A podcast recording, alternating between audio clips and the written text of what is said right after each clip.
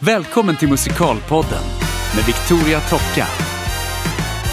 Välkommen till musikalpodden Pia Ternström. Tack så mycket! Vad kul att ha dig här. Ja, det tycker jag också. Tack för Framf- att jag får vara här. Ja, såklart. Nej, men, eh, en av de största anledningarna till att jag tycker det är väldigt roligt att ha dig här är för att du är den nya generationen musikalartister Yes. som är på väg ut. Ja. Eller du är ju ute, men liksom du är ändå väldigt ny. Nybakad. Nybakad. Från artister, ja. Ja, precis. exakt.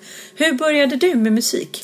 Med musik, eh, med musik har jag hållit på hela livet. Ja. Min mamma är musiklärare och min pappa håller också på att jobba med musik. Ja, Så att jag har verkligen varit uppvuxen i en musikerfamilj. Jag har mycket familjemedlemmar och släkt som håller på med musik. ja, Ehm, så att det har liksom varit konstant. Men musikal Mm. började nog... Eh, jag tror att min första föreställning som jag såg var Grease. okej. Ja, som farmor bjöd på med någon julafton och sånt där. Ja. Och så blev jag helt fast efter Ja. det.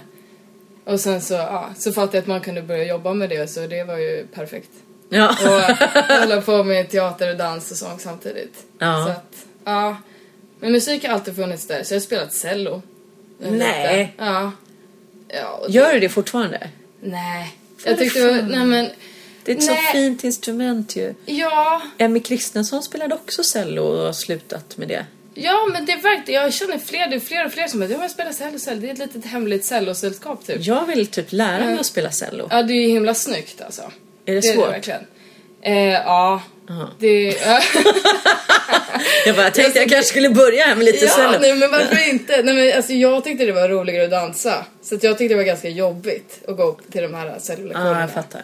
Så till slut lyckades jag övertala mina föräldrar om att få, få dansa en gång extra i veckan. Men, Och sen gick du musikallinjen på gymnasiet Yes. på Tibble. På Tibble ja. Ja, med Exakt. Micke Littvold. Exakt. Vad roligt. Och Anna Johansson. Ja. Och Malin Stenholm och alla dem. Precis. Hur var det då? Var det, Det första var- gången du liksom började mer, alltså på gymnasiet är det väl inte på riktigt så ändå, men det är ändå lite mer än kanske man har gjort innan. Ja, eller alltså deras inställning var ju verkligen att det var på riktigt. Ja. Ehm, och det var det som var så himla härligt tycker jag med Tibble och som jag har liksom tänkt tillbaka på flera gånger att man blev verkligen tagen på allvar i liksom sin pursue av, av att fortsätta med det här. Så det har färgat mig jättemycket att man liksom blev tagen på allvar och gjorde de här slutproduktionerna som var väldigt satsiga med orkester och liksom stod liksom på... Ja, men väldigt riktig teater. liksom. Jättefina produktioner gör de ju. Nej, så Varje det, år. Ja, det har verkligen färgat mig och det var när jag såg Fame som de satte upp året innan jag sökte. Mm. Som jag liksom kom hem och bara Men det är inte det här jag vill göra! Liksom. Ja, okej. Ja.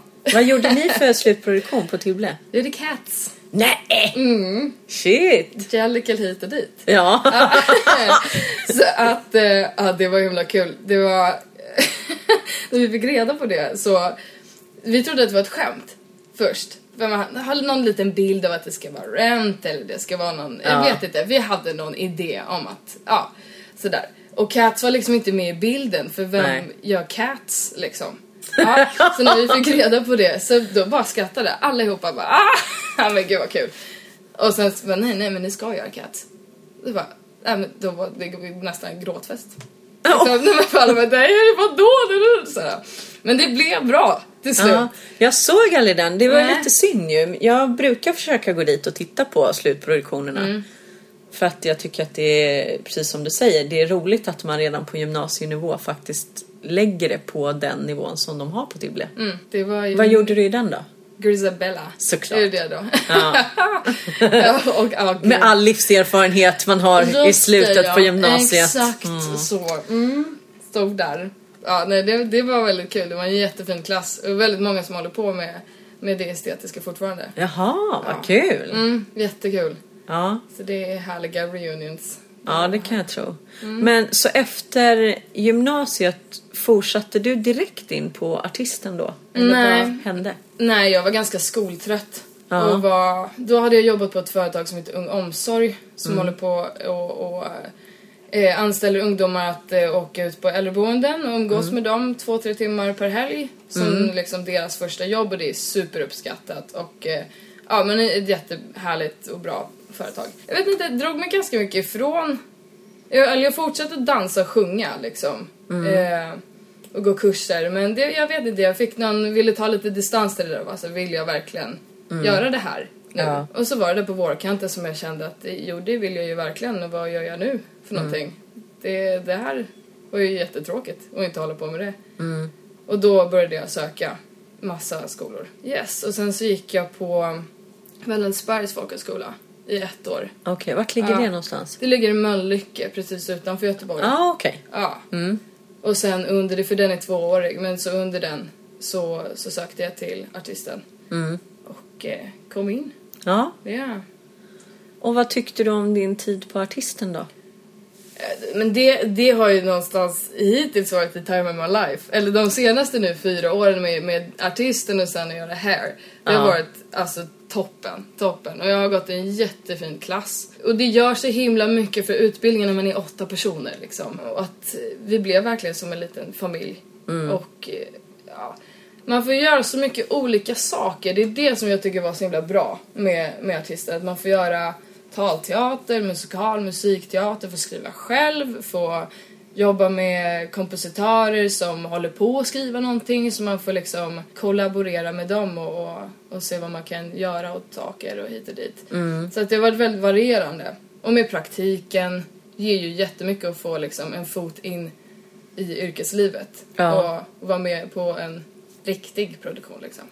Nej men för det är väl en av styrkorna kan man säga ändå med artisten. Förutom det fina att man är så få i varje klass. Men att det också finns ett, eh, vad jag har förstått, väldigt tydligt sådär praktiktänk. Att man ska in eh, i olika produktioner och få göra saker ute, precis som du säger, det riktiga arbetslivet. För att det är ju jätte, jättesvårt att komma ut från utbildningarna idag och få Ja, jobb. visst. Också för att det finns så många utbildningar. Det har Ja, vi ju precis. varit inne och krafsat på många gånger. Ja. Men eh, bara i Göteborg är det ju tre skolor som ja, skjutsade ut massa, massa musikalartister som vill och kan jättemycket men det är det här med jobben, det finns inte. Nej, det finns inte så mycket jobb och sen så eh, ska man ju både ha turen då att ens få komma på audition i vissa lägen och som sagt då eh, att redan ha någon slags fot inne eller kontakter via skolan och så. Det är ju värt Mm. Det är grymt. otroligt mycket. Ja, inte bara genom praktiken utan med de projekten man gör när det är liksom inhyrda regissörer. Eller jag, jag mötte Rickard Bergqvist när jag jobbade med honom i skolan. Ja, Och det, ja, det var ju där vi möttes och sen varför vi senare jobbade ihop. Absolut, så det hade jag ju inte, det mötet hade aldrig skett utan skolan. Eller det kanske hade gjort på något sätt eller annat så. Ja. Men förmodligen inte. nej. Men när det gäller Hair då, för det är ju liksom det senaste du har gjort. Mm. Yes. Är Sheila i Hair på Göteborgsoperan som Yes. var en riktig dundersuccé ju. Ja, ja det var kul. Du säger att du träffade Rickard på skolan när ni gjorde Grymt. Precis. Ja, som Ja. är en föreställning som Sara Youngfeldt har varit med och skrivit. Vet jag. Yes. Ja, eh, så var du fortfarande tvungen att göra audition för Hair eller var det mer så att han redan visste att han ville jobba med dig i den föreställningen? Då visste han redan att han ville jobba med mig. Jag fick Ja. frågan av honom ganska långt innan det ens eh, var liksom, när man inte var ute med att det var auditions eller något sånt. Utan Ja, det, okej. var, det var jag och så var det en, en kille i min klass, Wilhelm Blomgren, som liksom, han, han ville att vi skulle vara med från början. Så Ja, det var ju och han visste vad han ville att ni skulle göra och Det, nej jag vet jag tror att han eh, ville ha oss med i någonting. Ville var nog ganska säker på att han ville ha som Claude. Så jag fick, jag var där och gjorde audition fast jag visste att jag skulle ha någon av de Ja, kvinnliga fattar. huvudrollerna uppfattar jag det som. Ja. Men sen stod de kanske hade bestämt sig innan att det var Kila. Ja. Liksom så. Men det var efter den lilla uppsjungningen som det var, som det blev klart Ja. liksom. ja. Ja. Men jag menar det är ju utan att du hade jobbat med honom Mm. på skolan så hade ju inte den gräddfilen Nej. existerat. Nej. Om man säger så. Nej. Det är ju inget att ta någonting ifrån dig och din talang och hur bra du är. Utan mer att liksom men- de kontakterna får man ju inte så lätt på ett annat sätt. Nej, det är så mycket med timing och tillfälle och Mm. det är ju så. Och sen får man ju säga att alltså, många av de här regissörerna jobbar ju även på andra skolor. Så Ja. att det är ju inte så. Men på artisten blir det ju väldigt... Det blir intimt för att det är en Ja. så liten grupp. Och ja, absolut. Ja, hur var det att jobba med Rickard då? Eh, det är spännande. Det är spännande och han, han har väldigt tydliga eh, bilder framför sig. Jag tycker man märker att han jobbar med film mycket. För det handlar så mycket om tempo och timing och han är någon slags geni och har ett otroligt öga för det. Ja. Det är jättehäftigt. Verkligen. Väldigt visuellt och mycket, alltså helhet. Du märkte med, med Grymt och Hair att det är liksom en, en helhetsbild med video, ljus, musik och det bandet ska vara på scen och ni ska ha det här, det är en vit scen, ni färgerna och det är uppbyggt som eh, en kyrka eller någon slags tempel fast också en galleria och det är liksom massa bottnar i allting. Otroligt genomtänkt. För det är jag såklart supernyfiken Ja, på. det vet du jag har aldrig jobbat med Rickard, men jag ska ju jobba med Rickard. Ja, i broarna. I Broarna med Ja. som County. Ja, exakt. Just det. Behöver jag vara rädd? Nej. Nej. Nej, nej, nej, nej. nej. Nej, okej. Nej. Jag säger att jag är lite rädd. Vadå då? Nej men jag vet inte. Jag... nej, men... Nej men du vet såhär bara liksom hur... Att det är någon ny? Liksom. Nej, alltså, nej då. Nej, det, alltså, jag är inte så rädd för det. Men liksom så här, hur långt kommer han pressa mig? Förmodligen längre än jag någonsin har Jo blivit men det pressad. gör han. Det gör han och han slutar inte förrän han, han känner att nu har vi någonting här. Och det kan man bli jättearg på. Okej. Liksom. Absolut. Och man är frustrerad men någonstans, alltså Förstår man vad han vill och det blir de här personliga trösklarna som man bara Ja. okej det, är bara, det är bara att släppa det liksom. Men nu så kör vi, kör vi, kör vi, kör vi och man kan tycka att det är jättejobbigt och sen till slut så, eller så tycker man att det är jättekul. Det varierar verkligen men det, när man väl är framme så fattar man varför han har pushat den så mycket. Ja, jag fattar. För det och med det här med, ja, med timing liksom. Mm. Timing, timing, upp med tempot. det gäller att kunna sina repliker med andra ord. ja, Ja, men det är ju toppen. ja det, det är det. Var väl förberedd så kommer det gå toppen. Ja, det blir kanon. Vad har du på agendan nu då? Vad händer efter här? Ja du. Ehm, jag har precis signat med en agent i London. Okej. Ehm, så det blir spännande att se vad det ger.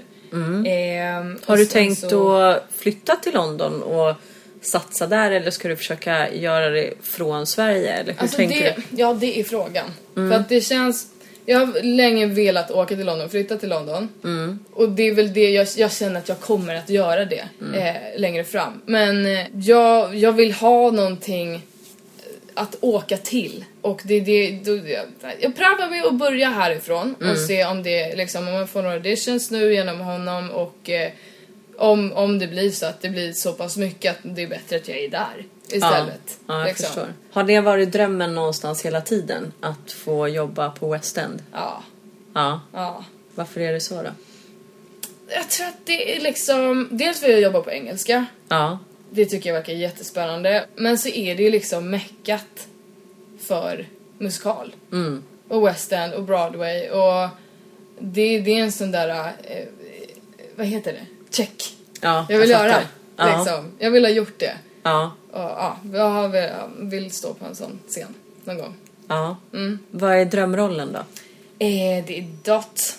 I Sunday in the Park with George. Ah. Mm. Okej. Hon är himla kul. Och så är jag så här, Bernadette Peters största fan. Hon är Okej. helt fantastisk. Och när, ja man, det finns ju massa klipp med henne på Youtube med eh, från en föreställning. Jag har kollat på dem mm, 200 gånger kanske. Ja, men hon är helt fantastisk. Så den rollen tilltalar mig jättemycket. Och det är min pappas favoritmusikal. Så att den har liksom gått på repeat också när jag varit eh, yngre. Hemma, Sondheim, någon slags husgud. Ja, jag förstår. Eh. För att det är ju egentligen inte det mest lättlyssnade materialet. Nej! Nej, att, det Och tar... ta till sig det när man är rätt så ung. Ja, precis. Är ju... Det, men det har verkligen eh, växt för mig. Mm. I början fattade jag ingenting och det var massa krångliga toner och hit och dit. Ja. Eh, men sen så har det verkligen funnits med jättelänge och jag tror att jag har förstått det mer och mer och verkligen blivit helt förälskad. I musiken. Och det här talande sättet att skriva på. Det är liksom, briljant. Ja men då förstår jag att artisten kanske är tilltalad också för de är ju väldigt inne på just Sondheim-material Mm. Och så. Ja. Mm, fick ni Verkligen. jobba med mycket Sondheim? Ehm, nej, det har funnits ett projekt innan som heter Sondheim-projektet som sen blev liksom omnämnt till eh, ett klassiskt projekt eller något sånt där. Men det var ett Sondheim-projekt och så ändrade de precis när jag kom hit. Aha. Så att jag bara jaha, men så har jag ju oftast valt att sjunga Sondheim på Ja. mina egna sånglektioner och så. Ja, jag förstår. Ja, absolut. Så att eh, för mig har det varit närvarande hela tiden men det är egenvalt liksom. Ja. Så.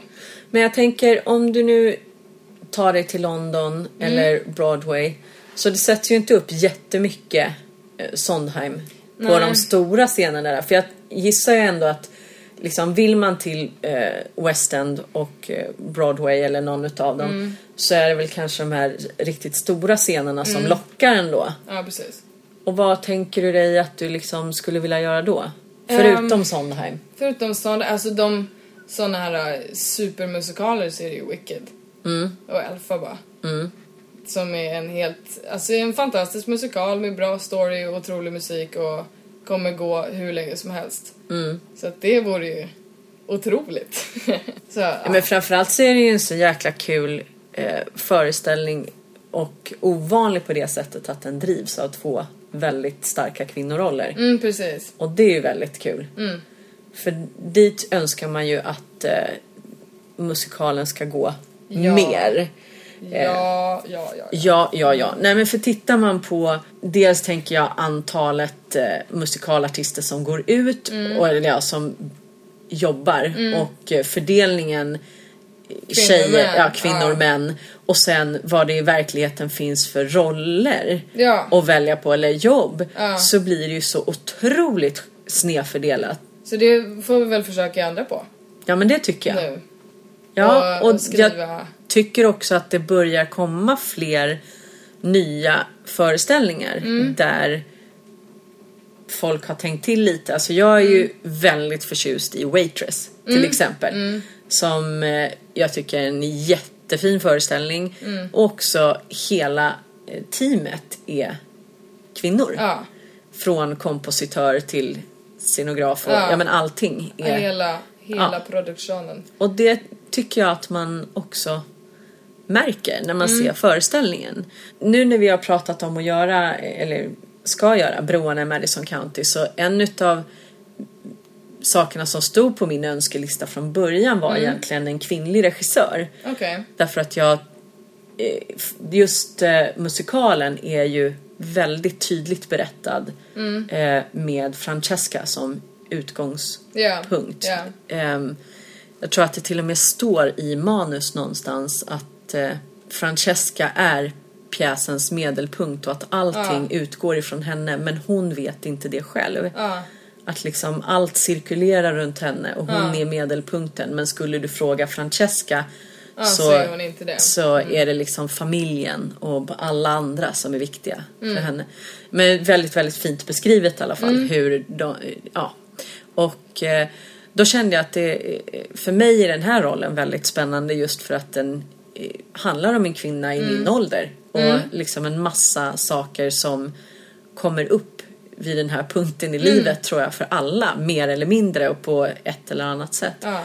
Eh, och eh, att det då hade kunnat känts väldigt fint att ha en kvinnlig regissör. Ja, men... Men- om du säger att det inte blev så? Eh, nej, det är en bra fråga. Det, det dök liksom aldrig upp i diskussionen när vi satt och pratade om möjliga regissörer för Okej. projektet. Vi hade en kvinnlig regissör eh, under diskussion men det var liksom sammankopplat med ett annat produktionsbolag. Okej. Eh, och när det föll igenom därför att de ville ha kändisar i huvudrollerna och att jag Aha. inte ens skulle få vara med och spela föreställningen Okej. själv.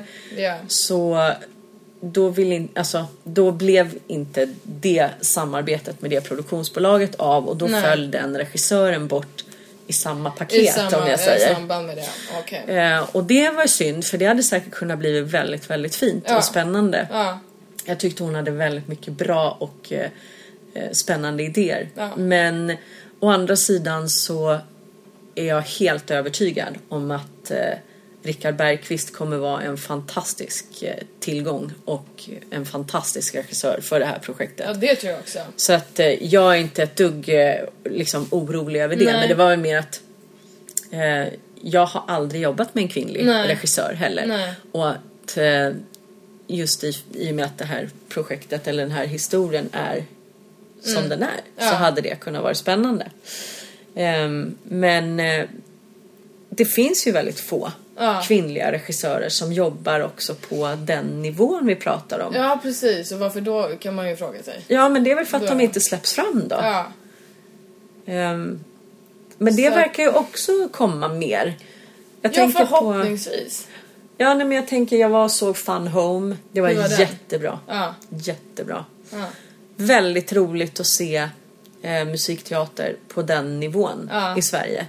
Något som tar upp liksom viktiga ämnen och spelas ärligt och på riktigt och jätte jättefin regi och Ja, nice. ja, Nice. jättefin översättning av Ulrika Jonsson och eh, Frida var superfin, i, eller de var jättebra allihopa. Fredrik Lycke, herregud. Ja men de var, det var jättebra. Väl värt att se. Mm. Nice. När den här podden kommer ut så kommer tyvärr eh, Fun Home inte gå längre. Ja, just det. Men eh, vi kan ju ändå nämna det. Ja. Eller jag kan gärna göra det. Nej, men som Så- verk att det finns och att det går att sättas upp. Ja, och eh, en, en pjäs eller en musikal som då handlar om en lesbisk Mm. kvinna och hur hon kom ut och hur hennes liv var. Mm.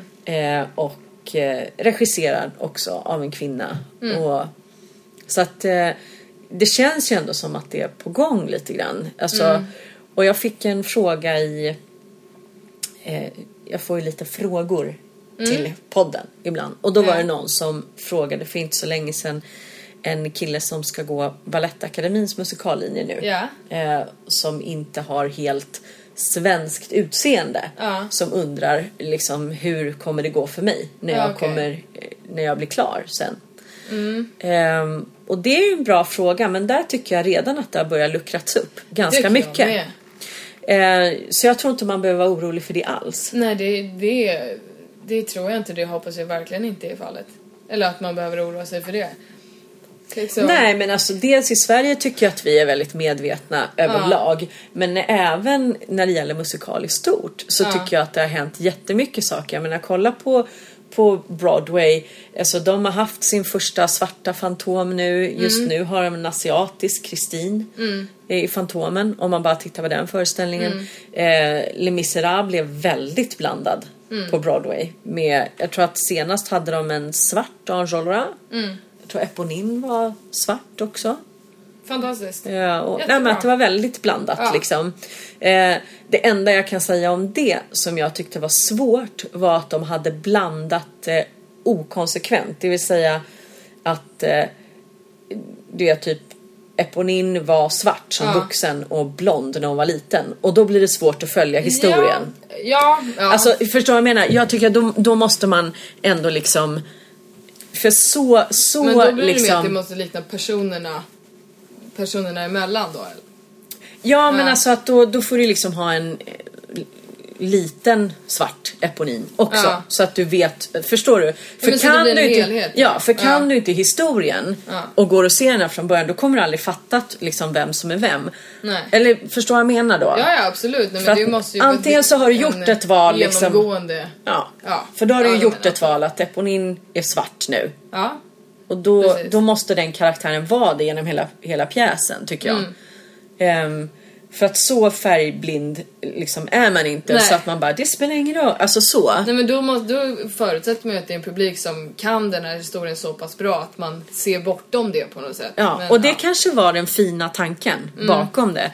Men för mig blev det mer rörigt som Ja. publik att liksom bara vänta nu, vad hände här? Okej.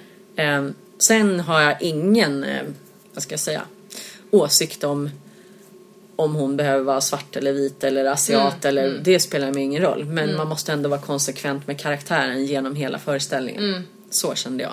Ja. Ehm, men jag menar återigen och så tittar man på en föreställning som Hamilton. Där blandar de ju hejvilt också. Ja. Och det liksom har ingen betydelse. Jag menar alla de där var väl vita egentligen historiskt sett. Mm. Men det är ju väldigt blandat. Och det, har- det har ju ingen betydelse. För det Nej, kan man ju se, toppen. det kan man se bortom. Ja. Så att för att svara på den frågan så tänker jag att det behöver man nog inte alls vara så nervös för idag. Mm. Nej, precis. Nej, det, det, nej, nej. Nej men det var ju på Ja. ett annat sätt faktiskt när Ja. jag gick ut skolan. För då var det ju mycket, mycket tydligare typecastat. Mm. Men och det är där det är spännande tycker jag också att prata med er som Mm. kommer ut nu. För att det är ju ni som ska forma musikalbranschen framåt. Mm. Och hur känner du då? Jag tycker att det, det som jag har lyssnat på på poddar från Musikalpodden innan också när det är mycket med det här att det är, inte är öppna och det känns hur ska man göra med det och att det finns vissa typer av verk som spelas om och om igen. Så att jag tror verkligen på att man får sätta sig och börja skriva grejer själv. Och liksom, ska det bli skillnad då får man se till att det blir det. Och, eh, och börja skriva musik, skriv texter liksom. Det finns så mycket liksom eh, talang och, och potential och vilja i, eh, ja, men i alla. Så att det är liksom bara att sätta sig och börja, tror jag verkligen på. Ja, men för Eh. det man måste komma ihåg också. Ja. Det är ju att Jason Robert Brown föddes inte till Jason Robert Brown. Nej, alltså nej, han har ju börjat någonstans. Ja visst. Det har Steven Sondheim också gjort. Ja. Det har Andrew Lloyd Webber också gjort. Oavsett liksom vem vi pratar om. Så liksom, du måste ju börja någonstans. Du är ju inte expert det första som Nej, händer. och det kan ta liksom flera år ju innan man, man tycker att någonting man skriver är bra. Ja. Så. Liksom, det är ju jätte, det är en superövning såklart liksom. Men det är det som jag tror att, man, man är väl rädd för att misslyckas också i det där. Och, och, och våga lämna ut något, det här står jag för, det här har jag gjort. Och, och så. Men det, för om det ska bli någon skillnad tror jag verkligen att man får skapa sig de, de förutsättningarna. Så jag håller faktiskt på att eh, skriva musikal. Nej! Vad roligt! Ja, det känns jättekul. Det är verkligen i, liksom, i början av, av skapandet. Men det är, vi, vi är några kompositörer. Eh, Det är som du pratade med eh, Mattias Palm också. Ja. Martin Schaub och Patrik Rydman. Ja. Som vi håller på att finula lite på en idé som vi har haft ganska länge. Och ja. nu så, Är det den han har pratat om kanske i podden? Nej, Nej, det är en annat. annan. Det är Ja. hans projekt. Okej. Eh, men så att det här är, är någonting som verkligen är i startgroparna bara, men vi har alla sagt nu kör vi på det här. Ja. Så det känns jättekul. Vad kul! Ja, ja, jätteroligt. För att komma tillbaka till med det här vad, vad jag gör nu så är det ju att det är väldigt skönt att ha ett sånt projekt som ligger liksom lite hela tiden när det är en väldigt Ja. osäker bransch.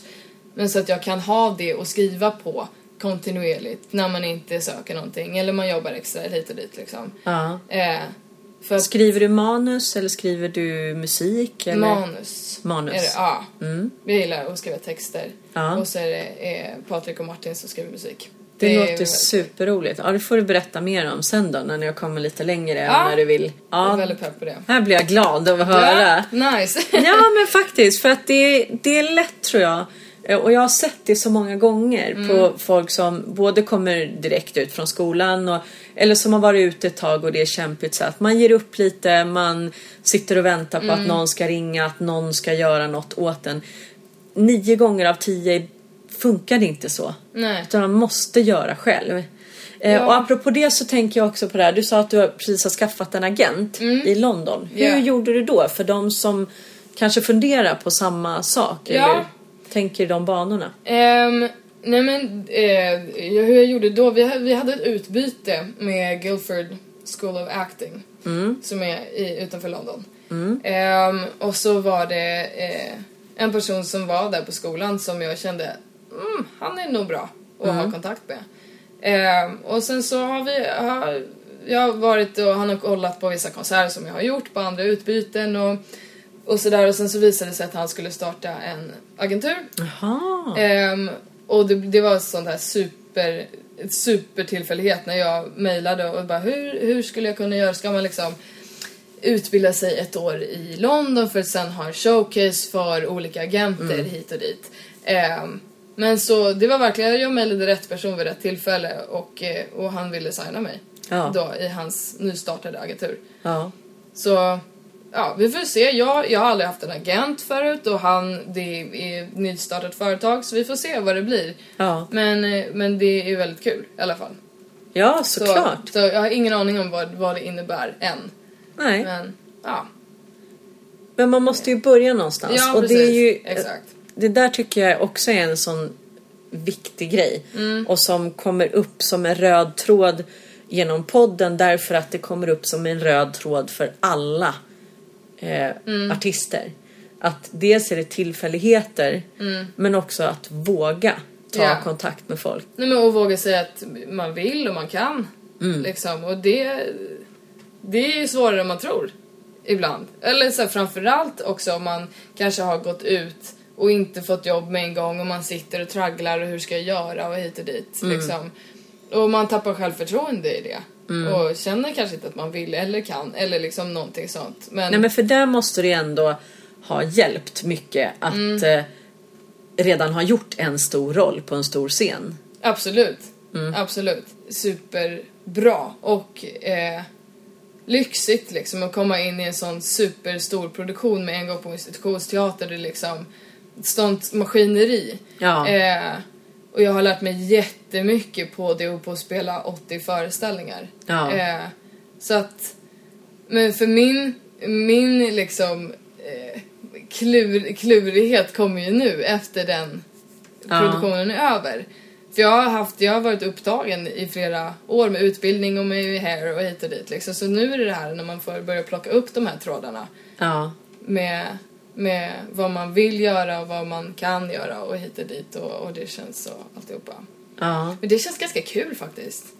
Jag har inte fått den här, åh nej. Ångesten har inte Liksom. kommit än. Nej, men det börjar pocka på ibland sådär såklart. Men det tror jag är helt, det är ju normalt. Så är Ja. det ju liksom även för oss som har hållit på länge. Ja, Att det, det går ju i vågor också.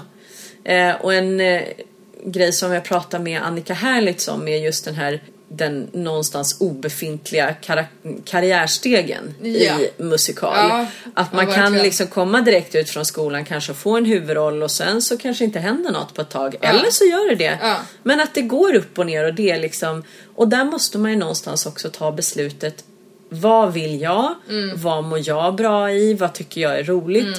Jag känner mig själv tillräckligt väl för att veta nu att jag tycker inte att det är roligt att stå i en ensemble. Mm. Och då finns det andra saker jag tycker är roligt. Som till exempel att producera. Mm.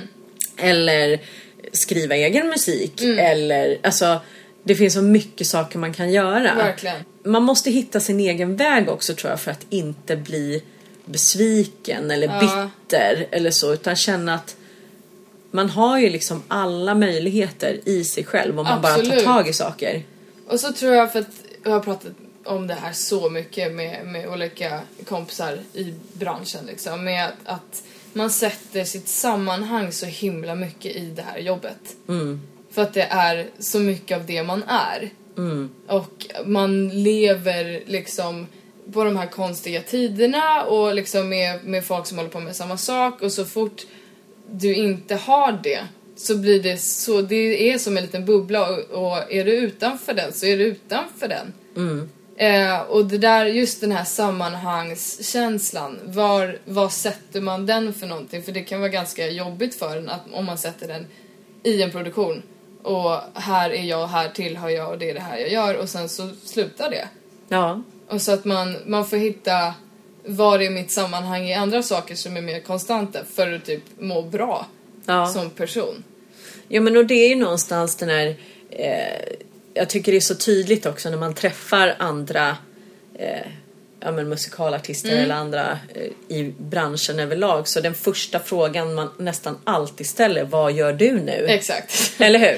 vad händer nu? Ja, vad gör Ja. Mm. du nu? Och ja, är du färdig med här? Vad ska du göra nu då? Exakt. Eh, och ibland Ja. så hör man ju en kanske lite mer tråkig underton i det där också. Mm. Som inte alltid är så himla kul. Jag kan säga att eh, jag är inte alls lika stressad över det där nu Nej. som jag var när jag var i din ålder. Just den här perioden när man precis har gått ut skolan. Mm. Eller ja, är på väg att gå ut skolan. Det är ju den perioden när man vet och kan allt bäst. Just det. Så du är Allt lite är inne. klart. Du är lite inne i allt. den fasen. Nej men, nej, men så det är lite roligt. Nej, men jag kommer ihåg att jag, liksom, man gick och såg föreställningar Mm. Och liksom hade så otroligt mycket åsikter Mm. om allt och hur mycket bättre man skulle göra allting själv. Mm. Men sen står man där och ska göra det. Alltså hade du en sån känsla när du gick på skolan då säger vi? Alltså Nej. man går och kollar på grejer och Ja, bara... ja, men jag fattar, jag fattar Du förstår vad jag menar? Jag, en liten sån. Ja. Oj, man kan allt hit och man kollar på saker. Men det, en sån bubbla var jag nog med på folkhögskolan. Ja, okej. När man liksom, bodde man ihop, man pratade om teater, det var dit, det, det var liksom, man var så i det och liksom Mm. skulle tycka och tänka om alltihopa. Och sen så eh, började på artisten och det var en en- inte ett internat bara, den grejen var att det liksom, man hade ett, ett liv utanför skolan också om man Ja. liksom hade tid med det. Men det var under praktiken som, eller jag, jag vill säga det här, nu sitter det en publik här, det är ett ansvar som jag har Ja. nu. Att, att leverera.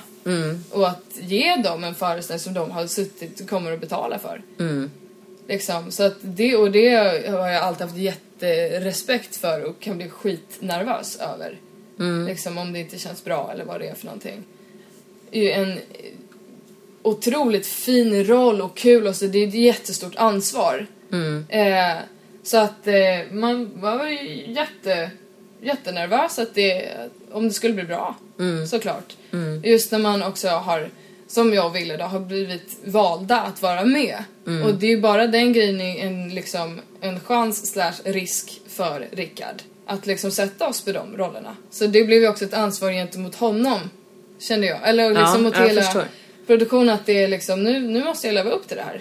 Mm. Eh, och gör jag det och sen så bara, nej men det är ju en helhet såklart. Det där, man kan ju bli liksom insnöad på sin egen prestation såklart. Sen, och sen blev det ju bra och det var ju jättehärligt. Men det hade lika gärna inte kunnat gå bra. Liksom. Nej men det, Det vet, vet man ju inte. det vet man ju aldrig. Man kan ju bara göra liksom sitt bästa. Ja. Men jag tänker liksom den här att ehm, man kanske har gått och tänkt då, för jag vet ju precis hur jag gick och tyckte om saker själv när Mm. jag gick min utbildning. Eh, men och sen liksom bli inslängd då Mm. i en riktigt stor roll i ett stort sammanhang och det på riktigt. Mm. När man liksom för första gången inser att fuck, nu ska jag bära det här också. Mm. Liksom. Och det är precis som du säger, det, det blir en helt annan sak. Mm. Pressen är mycket större än man tror. Eh, man har mycket mer att, att leva upp till och Mm. ett mycket större ansvar än man tror. Mm. Eh, för det är som sagt alltid lätt att stå utanför och tycka en massa saker. Men jag tänker att Mm. jag menar, nu är jag över 40 så att eh, nu är det såklart en helt annan sak att gå och se en föreställning för att du har varit med om så mycket själv så Mm. att du kan titta på saker på ett annat sätt än man gjorde när man Ja, var yngre. Men... Eh, nej men Nej, liksom. men det var jättenervös där innan premiär. Absolut. Nej men jag, jag, var, jag hade någon sån där stund innan och bara, nej men det, gud det här nu, det händer nu. Det här är ju på riktigt liksom. Ja. Ja, det var sjukt. och sen så är ju den tanken borta liksom. Efter Ja. en stund, så det är, bara, det är ett jobb. Nej men jag minns väldigt tydligt eh, min premiär i Phantom. Mm. Just för att det var något jag hade drömt om så himla länge. Mm. Och sen ska du gå in där och eh, göra det också. Mm. Och i en föreställning som är så Mycket prestige. Mycket prestige, den har gjorts på samma sätt under väldigt lång tid. Den har väldigt, väldigt mycket fans som Mm. åker runt om hela världen för att se olika uppsättningar och Mm. för att tycka om olika Kristins och tycka. Alltså Mm. det är en sån ikonisk roll liksom. Folk ska verkligen tycka en massa om just framförallt Kristin och Mm. Ja. Fantomen. Och sådär. Och att då liksom gå in med den ytterligare lagret press. Ja. Eller vad jag ska säga. Det var väldigt speciellt alltså. Ja. Det får jag säga. Ehm, sen är det så när, när föreställningen väl är igång. Mm. Då har du inte tid att tänka på det. Nej, För att eh, då måste du liksom bara... och det är för- bara att köra. Ja, och som sagt, jag hade tio dagars repetitionstid. eh, Och det föreställningen var på danska. Så att det var ju liksom bara att Åh herregud. klara, färdiga, gå. Ja, Lite så. panik. Ja, Ja, li, ja, lite ja. så.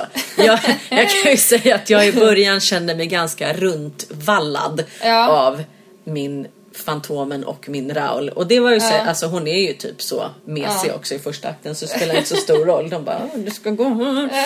Eh, nej då, jag hade rätt så bra koll på vart jag skulle gå och stå och så här, men det var ju väldigt, väldigt mycket alltså, att ta in på så kort reptid. Ja, och det vet ju inte publiken. nej, nej, det skiter de fullständigt i. Och recensenter som är där för att liksom, Mm. tycka om nya Kristin och nya sådär. Så att Mm. det, det är skitläskigt liksom. Jag har tänkt mycket på hur jag kommer känna inför premiären av Broarna. Mm. Eh, när man dels ska stå och göra en, som för mig, drömroll. Ja. Verkligen. Ja. Och en produktion som jag är med och producerar och där jag har satt mig själv i huvudrollen. ja, för att precis. Ja. och att den, den prestationsångesten kommer nog vara rätt jobbig alltså. Ja. Just för att man vet också att folk kommer sitta och tycka och döma och fundera. Men Mm. alltså just för att det är ju någonstans ganska kaxigt att gå in och jag ska producera jag och jag ska här. spela rollen Ja. själv. För att Ja. jag vet att jag kommer göra det bra. Mm. Och jag vet ju det i huvudet att jag kommer att göra det bra. Mm. Men jag tror att jag kommer stå och behöva typ kräkas innan jag går Det in är på scenen möjligt. på Det är premiären. mycket möjligt. Du får ställa ut några hickar där. Ja, jag kommer Ja. nog få göra det. Ja. För den börjar ju dessutom bara med en lång cello Ja. intro och mig i sex minuter. typ. Så att, det- Nej, men det, nej, men Kräket är kommer nog komma. Så är du igång. Ja, det är just där är i det. början. Man får ha en liten strategi in, då. innan du kliver ut. Ja. Och bara... ha en plan. Det kommer gå skitbra. Jag Det är klart, ja, jättecoolt att du gör Det är klart det kommer gå bra. Alltså det kommer ju göra det. Det vet vi att det kommer. Alltså inte just broarna i sig men rent generellt varje gång du kliver ut på scenen för att göra någonting så vet man ju ändå någonstans att det kommer gå bra. För har man gjort sina förberedelser, har man Ja. repat som man ska, Exakt, allt exakt. sitter där, då kommer det gå bra. Ja. För att ens lägsta nivå är fortfarande tillräckligt hög för Mm. att vara tillräckligt bra. Men vad, är din, vad var din första entré i Hair? Ehm, vi, var, vi var ute i publiken först Mhm. ehm, och hade som vi skulle liksom få igång en slags festivalkänsla och, och värma upp så att det inte var det här vi och dem med Okej. publiken och de på scenen utan vi liksom gick runt och pratade med folk och sen så skulle vi inta den här gallerian. Ja. Så att den, då var det liksom eh, Kila som ledde den eh, när, och räknade ner till när, när vi skulle kunna ta oss in i gallerian. Ja, jag fattar. Ehm, så det var ju liksom en väldigt smooth entré så. Man gick in och hälsade lite. Ja, fan vad skönt. Ja. För då blir det ju inte Ehm, så här. Nu bara, ska jag gå "Ta ut och ta... det!" Nej, exakt. Ja, ja. Nej, så var det inte. Och Nej. det var väldigt skönt. Ja. Och liksom man får känna, ah, vi var i publiken idag, vad gör vi, hur känner vi oss i ensemblen och liksom. Hair, den som vi gjorde, har är liksom en superensemble musikal och som en konsert med lite dialog Ja. emellan. Ja. Så att det är ju inte så här, åh, där var Christine eller där var Kalle, där var Olle. Liksom nej. så. Så att det, det, och det kanske är annorlunda på något sätt så. Mm. Men, eh, nej det var ingen så här grand entré. Nej, jag som, förstår. eh, Inglidande Som man hinner sådär. stå inglidande på en svan. Finns ju konstiga Apro- ja, vet du Ja. vad? Det var i och för sig inte min entré, men i, i musikalen Ludvig den andre som jag gjorde i Tyskland. Ja. Då hade jag faktiskt en scen när jag kom in i en stor svart svan. Ja men fantastiskt. Underbart Just ju. saying! Ja, ja, Så det kan hända. Ja det kan hända. Det kan hända. Mm, Det är det, vad som helst kan hända. Alltså, ja. Exakt, exakt. Så att eh, man kan... Det, det Apropå svanar i musikaler. Ja, vad som helst kan hända. Och det är väl där Mm. man också, tänker jag, med liksom olika regissörer och sådär. Mm. Att man liksom, du, du måste ju bara någonstans släppa taget när du kommer så långt och bara, ja men det här är hans eller hennes vision och nu får Precis. jag bara anpassa mig liksom. Och det, och det är allas föreställning. Ja, Liksom, och det, ja, nej, så att det, man får liksom avsäga sig ansvaret där. Eh, så man kan tro att man har. och så bara, det måste bli bra hörni, liksom. Sen så bara, ja. Ja. och det måste det ju. ja, Men samtidigt så, man är en del i, ja. Man är en del i en, väldigt...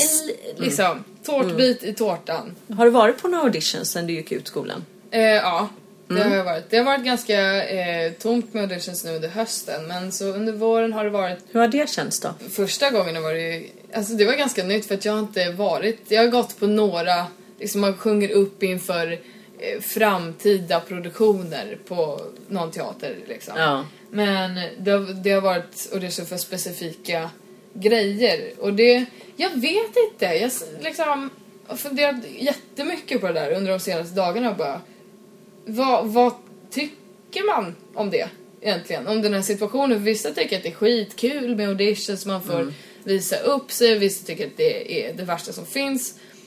Och jag vet inte. Det är ju märkligt. Liksom, hela situationen. Och det slutar inte vara märkligt. Nu har jag ändå gått på några stycken. Liksom, det, det är en jättekonstig situation. Ja. Och det är så kort tid Ja. du har på dig och liksom Sen tror jag att som, som person på andra sidan så märker man väldigt fort om, om det är rätt person för jobbet eller Ja. inte. De, de har nog ganska tydlig bild av vad de letar efter. Ja, men det kan jag ju säga som nu också producerar. Ja. Mycket, eller mycket, men producerar själv. Och är på andra sidan en, Mm. en hel del. Att man har i många fall Mm. en väldigt tydlig bild av vad det är man vill Mm. med, med föreställningen. Producenterna, och regissören och det kreativa teamet har redan kommit så pass långt i planeringen och eh, i projektet Mm. när man väl kommer till eventuella auditions. Att man vet liksom Ja. vad det är. Man vet typen. Sen kan, ja, men sen kan man ändra sig om det dyker upp någonting exceptionellt. jo, Det, ja. det, alltså, det tror jag verkligen. Ja. Att man kan liksom ha en väldigt tydlig bild. Ja. Och det har jag också hört exempel på flera gånger. Att det har funnits Mm. liksom en väldigt tydlig bild. Och sen har det kommit in någon som har gjort någonting helt annat än det man har förväntat sig. Bara, Ja. ja. fast shit, det där var också väldigt Ja. kul. Så kan vi också tänka. Mm. Och så kanske man ändrar sig. Så att jag menar, allt är ju inte skrivet i sten. Men ofta är det ändå ganska tydligt. Vad har du för auditionlåtar? Oh, eh, det, det beror ju på vilket jobb det Ja. är. Men har du någon sån här liten... eh, En liten har, pärm, Ja, men liksom. man har ju ändå liksom en liten samling med de här som man brukar ha med sig. Ja, jag har ju några som liksom jag vet att jag gör bra och de passar min röst Mm. och liksom tar fram kvaliteter som jag tycker att jag gör bra. Ehm, mycket Sondheim Mm. Ja, också. Men, Men är inte det lite också- läskigt att gå in och göra Sondheim på en audition om du inte vet vad du får för pianist? Exakt, det är det som är liksom Ja. kruxet. Så att man måste liksom höra, höra med, vem är det som är pianist? Först, eller vem, om kan den här pianisten titta på det om det känns okej och hit och dit. Som jag har gjort nu så har jag lyssnat in mig på, på musikalen och försökt hitta någon låt som, som passar mig men som liknar det liksom. Sådär, Mm. så att jag har nog ingen, ingen repertoarlista Nej, okej. fast liksom. Sen är Fast det är väl i och för sig också kan jag tänka mig då för att det är så få auditions. Ja. Så att man hinner förbereda sig ganska mycket mer specifikt för varje enskild audition som dyker upp. Ja, För att när jag gick på väldigt mycket auditions i. London under en period då måste du ju ha din perm med Ja. dina typ fyra låtar liksom. Som bara sitter där för att du kan få en audition på kan du vara där om 45 minuter. Ja. Då kan du liksom inte göra all den här superbra Nej, precis. researchen som du beskriver nu. Ja. Nej men och, och det är ju synd att det inte funkar så i Sverige riktigt. Nej. Därför att jag tror att alla skulle, alltså man skulle behöva ut och göra mycket mer auditions Mm. också för att avdramatisera det här. absolut. För i Sverige, alltså hur många auditions har du gått på? Ja men kanske sex, sju Mm. under hela våren. Ja. Ja, Men det är ändå ganska mycket för att vara i Sverige. ja det kan vara det kanske är. Det tror jag. De flesta skulle jag Ja, det är säga. inte bara Sverige, det är Danmark också. Ah, Okej, Ja, jo men ja. okej, men de flesta som har liksom gått ut eh, ja, men jag tittar på avgångsklassen på Balettakademin nu. Ja. Alltså de pratar om att de varit på det är så här, två, tre stycken. Wow. Okej. Och då blir det ju liksom så otroligt viktigt och Ja. stort. Varje gång du åker på en audition så är det ju liksom med livet som insats nästan. Ja, Men förstår du att det Mm. Ja, blir ja, så fruktansvärt viktigt. Ja precis. Och jag menar det tar ju inte bort pressen och gör att man blir bättre heller. Nej. Jag har ju inte varit på audition på hur länge som helst känns Mm. det som. Så att, eh, när det väl blir dags då kommer jag säkert ha panik igen och bara jag kan ingenting, jag vet inte vad jag ska göra, hjälp mig. Ja, det är en intressant liten process man går igenom där. Ja, men det är ju det. Där, det här går bra, nej det går inte så bra, det går jättedåligt, det går ganska bra, det, jo men nu går det bra. Liksom, man får åka igenom den berg dalbanan Ja, så är det. varje gång. Ja, men vad, hur ser du på framtiden då? Annars? Ehm, Det är London som hägrar, eller eventuellt Broadway då. ja, det, det är liksom eh, målet. Det, det vore jätte, jättekul jag vill absolut jobba på engelska. Och jag vill skriva Ja. saker och ting. Jag vill skriva musik och text och eh, vi börjar filma lite, jag har aldrig gjort det. Eh, innan det tycker jag verkar jättespännande och liksom för att det är så himla annorlunda från scenen. Och eh, få tag i det här minimalistiska liksom. I spelet. Ja, och så får, får vi se, gå på auditions liksom. Eh, det är väldigt svårt att planera. För att, jag vet inte, man, man kan också gå och tro bara, men gud hur ska det gå, hur ska det lösa sig liksom när man är inne i de här ångestdipparna. Eh, men det, det finns ju grejer liksom. Även om det finns få jobb så finns det jobb. De jobben finns. Eh, och det får man inte glömma liksom. Eh, och det tror jag, jag jag tänkte när jag skulle söka till artisten också att det är liksom, gud det är åtta platser. Hur ska det gå liksom? Ingen Men det in. är Men åtta det platser. är åtta platser. Åtta personer kommer att komma in. Så det är liksom, den dörren finns. Det, det är en liten, liten glipa men den finns. Det är lätt att hamna i eh, negativa tankar när man liksom, precis som du säger, är i en sån här neråt-dipp. Men enda sättet att komma ur det, det är att försöka skapa saker själv. Ja, alltså, och då ja. menar inte jag bara projekt utan Nej. liksom göra, alltså du kan ju göra någonting varje dag för att ta dig framåt. Absolut. Om det är att eh, påbörja en, en Facebook-sida eller alltså en officiell Facebook-sida eller en hemsida eller eh, ta nya bilder eller lära dig en ny monolog eller filma någonting för en showreel eller börja planera för att filma för en showreel. Börja skriva på någon manus. Alltså. Någonting. Ja. Nej, men jag tror verkligen på det här med att om man, alltså, om man pratar om det med folk, om man hör sig själv säga vad man vill och vad man tror på hit och dit. Det bekräftar också. Det blir inte bara i ens huvud då. Liksom. Nej. Utan då har man sagt det högt och då blir det på något sätt att man bara, men nu måste jag ju göra det här också Ja. då. Ja. Eh, Så är det absolut för mig i alla fall. Och blir så här, men nu, nu har jag ju sagt, jag har pratat, nu finns det här Ja. ute i luften. Nu har jag ju sagt det här till dig, Victoria, när vi sitter här. Alltså måste, Ja. Då blir liksom det en morot för mig att då måste jag ju göra det. Ja, men jag Ja. Mm. tycker att det är kloka ord. Faktiskt. Jag önskar bra. dig all, all lycka till och ser fram emot att se och höra allt spännande du ska göra framöver. Superstort tack Pia! Tack själv! Musikalpodden med Victoria Tocka.